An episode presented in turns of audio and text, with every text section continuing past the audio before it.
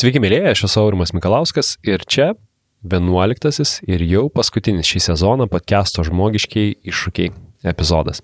Ir šis epizodas yra tikrai ypatingas. Ypatingas ne tik tuo, kad tai paskutinis epizodas šitą sezoną, bet su šio epizodo viešne turim ir vieną tikrai ypatingą naujieną, bet apie tai kiek vėliau. O dabar noriu Jums pristatyti šio epizodo viešne, kurią jau esat girdėję trečiam podcast'o žmogiškiai iššūkiai epizode, tai yra Valerija Buzieninė. Audioteka verslui pristato Žmogiškiai iššūkiai. Podcastas apie darbą su žmonėmis. Ir Valerijos atskirai nepristatysiu, nes nu, su ja jau turėtumėt būti pažįstami. Ir e, jeigu dar ne, tai labai rekomenduoju iš tiesų pasiklausyti trečio epizodo, kuriame mes su Valerija kalbėjom apie talentus, e, apie tai, kaip pritraukti, atrinkti ir išlaikyti geriausius darbuotojus. Labas, Valerija. Labas, Aurimai. Tai turiu tau tokį klausimėlį dabar. Mes jau kalbam na, po viso to karantino. Kaip tau praėjo visas tas periodas? Darbingai ar kaip tik turėjai, turėjai truputėlį laiko atsipūsti? Labai darbingai iš tiesų. Net kažkaip gaila.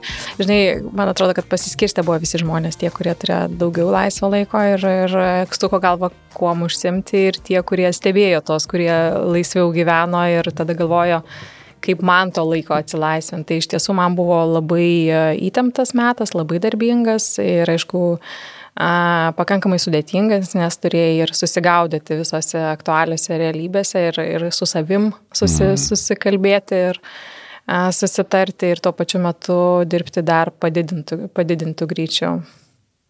Gerai, tai apie šitą periodą aš iš tiesų norėsiu dar tave paklausinėti šiek tiek plačiau. Tai e, iš tikrųjų tris temas norėčiau su tavim paliesti. E, tai pirmoji būtent apie COVID pasikalbėti ir, ir šiek tiek iš tavęs išgirsti, ką COVID na, pakeitė bendrai darbo rinkoje, kaip pasikeitė situacija, kas vyko tuo metu.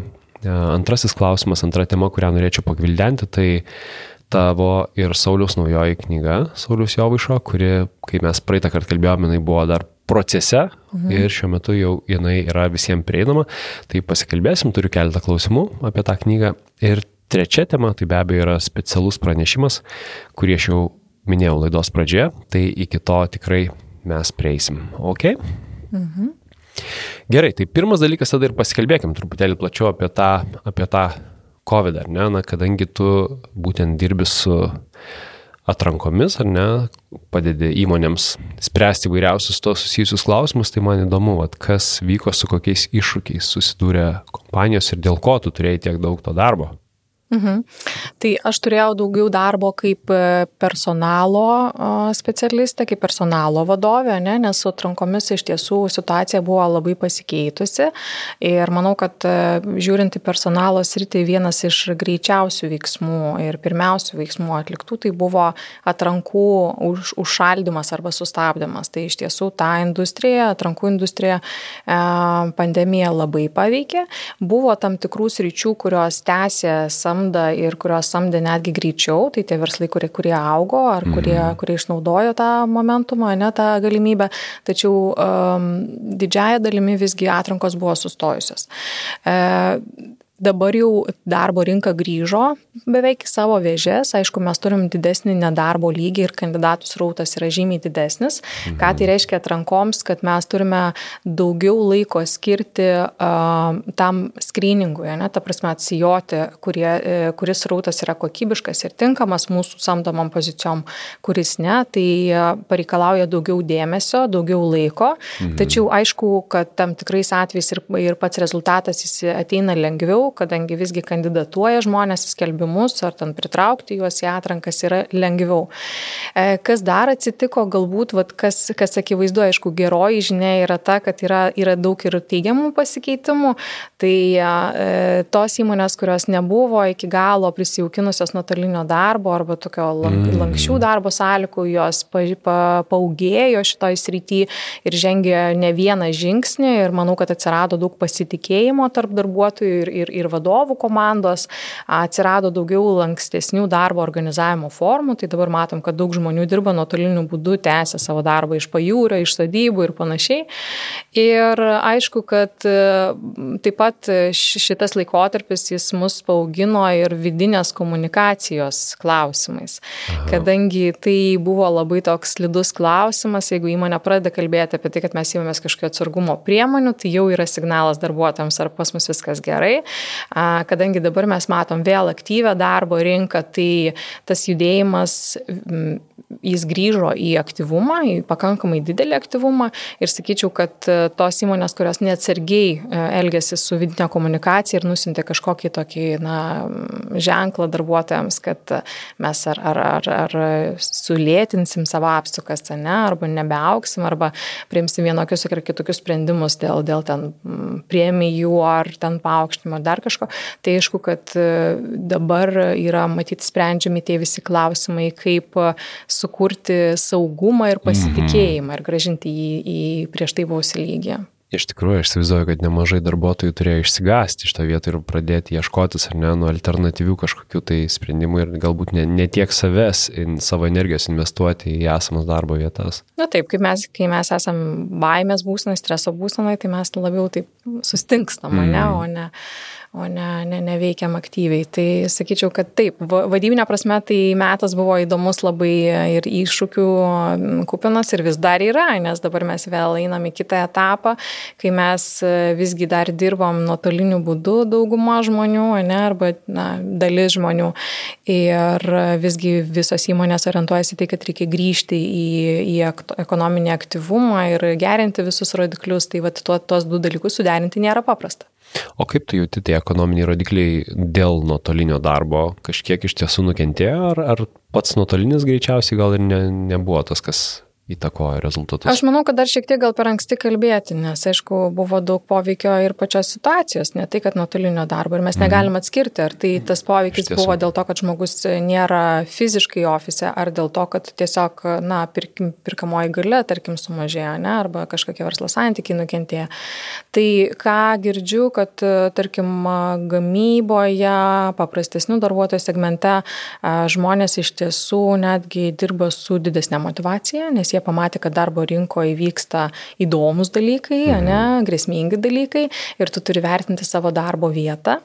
E, sakyčiau, kad specialistų o, srityje tarpe yra šiek tiek kitokios nuomonės ir nuotaikos, kadangi visgi samda dabar jau grįžo į aktyvumą ir, ir, ir daug yra ir, ir, ir paklausos, ir pasiūlos, tai nėra taip, kad darbuotojai tiesiog yra stabdomi arba e, patys save sulaiko nuo, nuo karjeros pasikeitimų. Jie pakankamai drąsiai išeina ir ta kaita darbuotojų, specialistų ir aukšti, aukštesnių specialybių žmonių jinai yra ir jinai toliau vyksta. Okay. O dar apie tą patį nuotolinį darbą, kaip, kaip tu vat, jauti, ką girdi, nes man, man tai tikrai labai įdomus momentas yra tai, kad, kad darbdaviai pradėjo galbūt šiek tiek nebebijoti taip to nuotolinio darbo. Aš turiu labai daug patirties nuotolinių darbų ir tiek mūsų organizacija Audioteka visi praktiškai dirba nuotoliniu būdu išskyrus pats patys įrašymai knygų. Ir aš prieš tai dirbau devynis metus ir man tai atrodo, na, kaip ir absoliučiai normalu, e, bet man įdomu, vat, kaip tu matai, kaip ta situacija klostysis po, po to, kas įvyko dabar, kai visi pamatė, kad taip irgi galima dirbti. Mhm.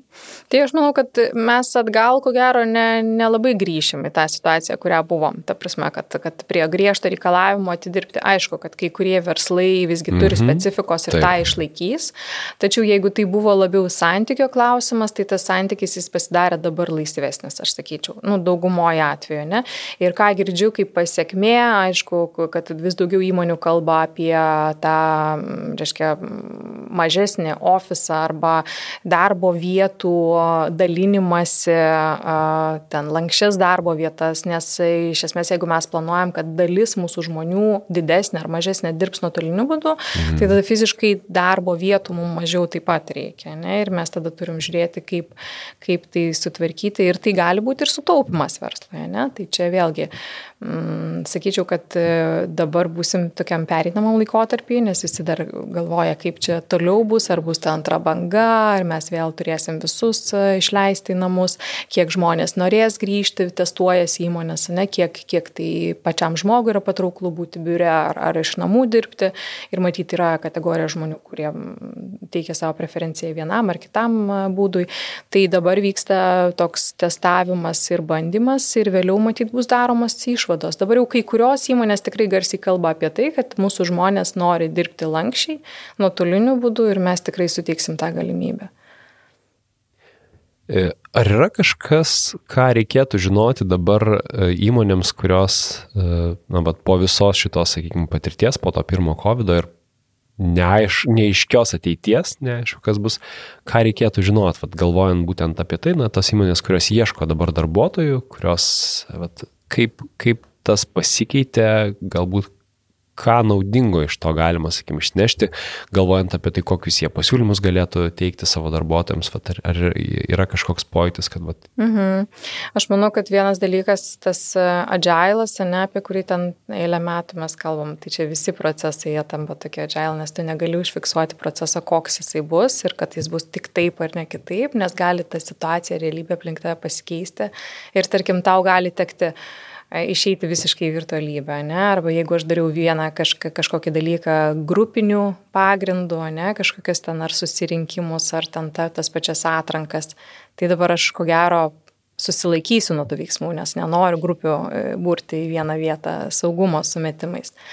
A, tai čia vienas dalykas. Kitas dalykas, aišku, kad visas šitas metas jis buvo labai nukreiptas į darbuotoją, į jo gerovę ir jo savijautą ir a, tikrai kaip, kaip organizacija, kaip, na, kaip vienetas, kaip darbdavys, a, visos įmonės praktiškai kreipia mažiau ir daugiau į tai dėmesio, kaip mūsų žmonės jaučiasi psichologiškai, atskirti, būdami namuose, kažkas vienas, kažkas su vaikais mažamečiais, a, kokie jų yra iššūkiai, kaip jiems padėti, galbūt galbūt užimti vaikus, galbūt psichologo paslaugas suteikti, galbūt padaryti virtualias sporto treniruotės, kad jie šiek tiek atsitrauktų nuo darbo, ar jie sugeba išlaikyti balansą namuose, būdami mm. dirbti ir pailsėti, ne?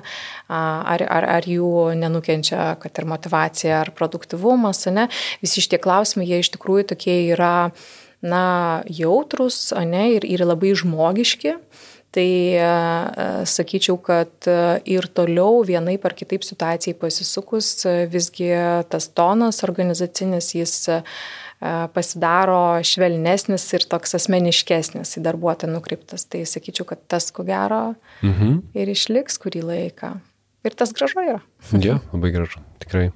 Ir, ir jo, iš tikrųjų, iš tikrųjų kas jaučiasi, kad būtent na, tą tą saugumą visgi kažkaip stengtis reikėtų ir ypatingai turbūt ne tik kalbant apie samdymą, bet ir apie būtent na, išlaikymą darbuotojų, tai yra tiem esamiem mm, nekomunikuoti, taip sakant, dviprasmiškai, o tiesiog kažkaip pasistengti visgi e, užtikrinti tą saugumą, bet aišku, tai yra, tai yra sudėtinga, kai, kai Taip. pačios kompanijos yra nežinomybės būsenai, tik tai vat, klausimas, kaip tą žinutę iškomunikuoti, kad, kad na, ir tarsi ir darbuotojas jaustų, uh, kad, kad darbdavys yra visiškai atviras su juo e, ir kad jis iš tiesų nežino, kaip viskas bus, bet tuo pačiu, kad ir jaustųsi saugus visame tame, kad jis nebus, na, tas pirmasis dalykas, kurio darbdavys atsisakys, jeigu tik tai truputėlį sudrebės vėl situacija rinkoje. Mhm. Nu, ir čia ta komunikacija, ko gero, labai svarbi yra. Jos mhm. negali būti per daug. Komunikacija su darbuotoju. Per daug? Jos negali būti per daug. Ai, ok. Mhm. Nors iš pradžių iš tikrųjų girdėjau tokius atgarsius iš didelių organizacijų darbuotojai sakė, kad kiek čia jau gali būti susirinkimų ir communication meetingų, ne, bet iš tiesų tai tai labai svarbu yra ir pakartoti tą pačią žinutę kelis kartus per skirtingas linijas, nes mes ir suprantame skirtingai tą žinutę. Ne? Vienas išgirdęs, kad mes įmamės atsargumo priemonę, supras, kad tai yra logiška pagal dabartinę ekonominę mhm. situaciją, ne? o kitas galvos, kas čia atsitiko, kažkas yra, ko man nesako. Tai, tai vėlgi ta, ta komunikacijos stiprinimas, jos vientisumas, jos dažnumas, e, jis labai svarbus yra. Super, mes kaip ir natūraliai pereinam truputėlį jau prie vienos temos, kurią aš norėjau tavęs paklausti, būtent uh, susijusios su knyga, su tavo be abejo ir gyvenimo tema iš tiesų, uh, būtent talentais Ir pirmas galbūt dalykas, man įdomu, kaip tu dabar jauti, visgi, kai knyga buvo rašyta, tai buvo iki viso šitos situacijos, tai kaip tu jauti, ar pavyko parašyti knygą, kuri yra na, nepavaldi laikui? Ar šitie visą tai, ką, apie ką jūs rašėt, nesikeičia dabar, kai atėjo COVID. -as. Mhm. Nesikeičia. Nu, čia, sakyčiau, ir taip ir ne, ne? nes yra dalys e, personalo atranka, darbuotojų talentų pritraukimas, jis, ne, jinai kasdien besikeičianti tema. Ne? Mhm. Ir kai kurios dalys jos nebebus aktualios po kurio laiko, nes, tarkim, technologinė pusė, technologinė pusė be galo greitai keičiasi. Ne? Arba kažkokias ten žinutės ar, ar, ar kampas e, prieimo prie kandidatų jis irgi gali keistis, nes keičiasi mūsų bendra bendravimas, keičiasi pats sociumas pamažu, ne? E, tačiau patys pagrindiniai dalykai ir principai jie išlieka aktualūs ir net tuo metu, kai mes turėjome ypatingai žemą aktyvumo lygį samdoje, jie vis tiek buvo aktualūs, nes kai darbuotojas yra išsigandęs ir sėdi užsidaręs namuose, įtikinti jį padaryti pokytį yra dar sunkiau negu esant jam atsipalaidavusiam, ne? Mm. Tai čia įsijungia tas tavo menas darbuotojo pritraukimo, įtikinimo, jo parduoti jam idėją, ne, kad jis pasitikėtų tavim, nes tu net negali pajausti tos chemijos, kaip sako žmonės, ne, sustinku ir mm. jaučiu, galiu pasitikėti. Čia viskas eina per ekraną, tai tą chemiją sukurti yra dar sunkiau. Taip. Ir tada tu turi įjungti visą savo širdį ir protą į tą procesą, kad tą žmogų įtikintum. Tai knygos aktualumas e, išlieka ir aš tikiu, kad jis išliks ir toliau. Tačiau aišku, kas galėjo atsitikti, nu, tapšą, mes negalėjom tikėtis su Saulium, kad mes išleisim vasarį knygą ir Taip. kovo viskas sustos, ne? Tai čia toks buvo įdomus surprizas ir aišku, šiek tiek galbūt ir tas mūsų knygos, tie visi renginiai, pristatymo, ką mes planavom, jie buvo pauzės režimu paspausti ir e, planas pasikeitė, bet Nuo to gyvenimas, gyvenimas dar įdomesnis pasidaro. Taip. Gerai, e, aš klausimą turiu tokį. Ir mes, nu, truputėlį prieš laidą jau, jau apie tai pasikalbėjom, bet mano klausimas iš principo yra, um, kokias klaidas tu dažniausiai matai? Ir aš dabar taip uh, suprantu, kad pagal tai, kiek mes mažai laiko turim šiai laidai, aš galbūt ne, nenorėčiau visgi lysti dabar jau į kiekvieną temą. Tai aš e, tik tai pristatysiu, kad knygoje e, iš principo jūs e, ten kalbate ir apie planavimą, apie atranką, apie darbuotojų vertinimą, apie tai kaip pateikti pasiūlymą darbuotojui, kad jisai būtų patrauklus ir na, viskas yra aprašyta detaliai, visi procesai. Ir kas man dar fainiau iš tiesų buvo, tai būtent pavyzdžiai. Tai yra, kad pavyzdžiai ir ne šiaip kažkokie pavyzdžiai, va čia didelė įmonė X, didelė įmonė Y, o tai yra konkrečios įmonės DevBridge, Swedbankas, Rimi, Bentley Systems, Zaland, Lidl ir, ir na, tiesiog labai faina, kad tu skaitai ir supranti, kad, o, tai yra tos kompanijos, kurias mes žinom, mat įdomu, ką jie daro, ką iš jų galima pasimokyti. Tai man šitas dalykas labai patiko ir tikrai, na, labai daug apimanti tema, bet uh, uh, klausimas man tau yra toks. Bet ką mes jau šiek tiek pakalbėjome apie tai, ką tu girdi iš tiesų iš e, na, vadovo, ar ne, kurie dirbo su atrankom, bet galbūt kurie net ir nėra e, taip būtent atrankos specialistai, ar ne, ką jie gavo. Mhm. Jo, iš tiesų, vad galiu pasidalinti, jau turime nemažai atsiliepimų iš skaitančių žmonių, perskaičiusių tą knygą žmonių, tai aišku, daug e, gaunam atsiliepimų iš kolegų, iš atrankistų apie tai, kad yra koncentruotai daug e, vienoje vietoje, tai iš tiesų ta medžiaga yra vertinama, bet viena pasikartojanti linija ir tas grįžtamasis ryšys, ką išgirdau ir ką, dėl ko labai džiaugiuosi, tai kad samdantieji vadovai, tiesioginiai vadovai, skaitantis e, mūsų parašytus puslapius, jie iš esmės žmonės atranda savo tokių aha momentų, ne? Mm. Ir jų atsiliepimas yra toks, dabar aš suprantu, kodėl aš užduodu vieną ar kitą klausimą, arba dabar aš suprantu, kaip parinkti klausimus, arba ko tikėtis ir kaip vertinti kandidato atsakymą į vieną ar kitą klausimą. Dabar aš žinosiu, kaip pasiruošti ir kaip, vat, kaip atskleisti tą kandidatą. Tai iš esmės, sakyčiau, mes dažnai labai turime įsivaizdavimą, kad atranka yra labai paprastas dalykas. Tu nuėjai, pasikalbėjai, papliurpėjai, ne, ir štai tau viskas aišku, kaip ant delno.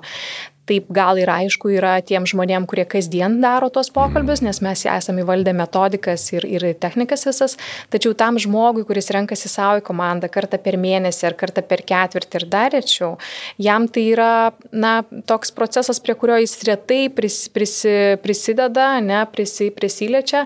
Ir tada jis perskaitęs tuos visus patarimus su klausimais, su pavyzdžiais, jis gauna savo paruoštuką kaip jis gali struktūruotai prieiti prie to proceso ir gauti iš jo maksimalią naudą. Tai va tuo labai džiaugiuosi.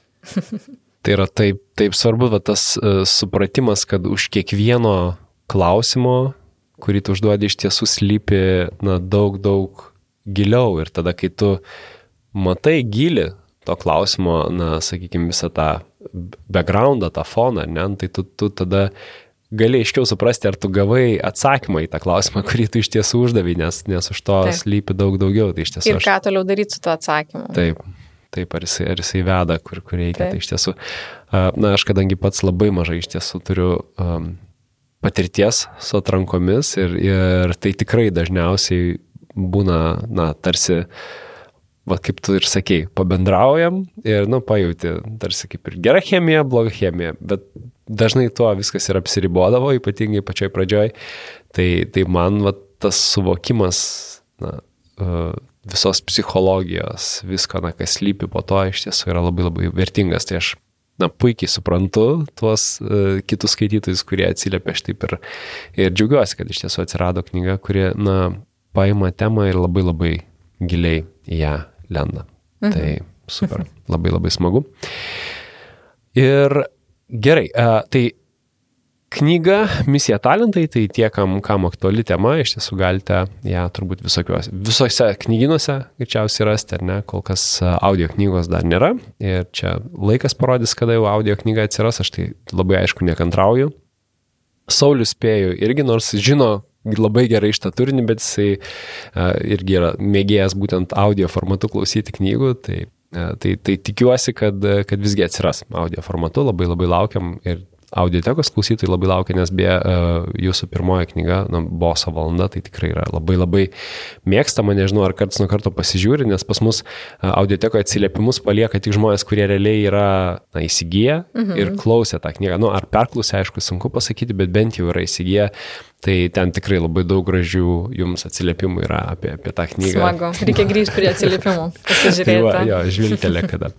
E, gerai, ir norėčiau pereiti prie, prie trečiosios temos, kuri e, yra, na, tikrai, e, na, kaip tema, tai yra specialus pranešimas, dėl kurio aš iš tiesų labai džiaugiuosi. Ir, na, gal aš šiek tiek paaiškinsiu na, savo veikimą gyvenime, nes paprastai darau tai, kas man teikia na, didžiulį džiaugsmą, didžiulį pasitenkinimą, kame aš jaučiu didžiulę energiją. Ir iš tiesų, kai aš pradėjau mąstyti apie, apie šitą temą, apie būtent žmogiškųjų a, išteklių, apie, apie žmonės, apie, apie žmonių valdymą, man tai buvo ypatingas momentas, kai super greit susidėliojo va, visas šitas podcastas. Nes iš tiesų tam, kad padaryti podcastą, na, yra, kaip čia pasakyti, daug reikalų. Ir daug reikalų ne tik tai, kad ten na, techniškai sugalvoti, kaip ten reikia, kad ten mikrofonai, įranga ir taip toliau būtų, bet, bet ir, ir bendrai tą visą paveikslą pamatyti, ką tu nori matyti laidoje, apie ką tu norėsi kalbėti, ar tau bus įdomu, ar tu turėsi klausimų. Ir aš turėjau na, galybę klausimų žmonių, kuriuos aš norėjau pakalbinti tą temą. Ir taip nutiko, kad kaip tik prieš, kai aš pradėjau apie tai galvoti, įvyko konferencija HR savaitę, ar ne, kur, kur aš tiesiog galėjau susipažinti su tai žmonėm, kuriuos aš norėsiu pakalbinti. Na viskas tiesiog atrodė taip labai natūraliai dėliojasi ir aš labai džiaugiuosi ir jau, va, štai turime 11 epizodą, bet per COVID visą buvo toks man pačiam įdomus pamastymo periodas, kai aš pajutau, kad ta energijos tiekmė, kuri man tekėjo pačioje laidos, laidos pradžioje, podcast'o pradžioje, nustoja tikėti. Ir aš taip jaučiu, kad ar aš tikrai noriu tęsti tai? Hmm. Ne.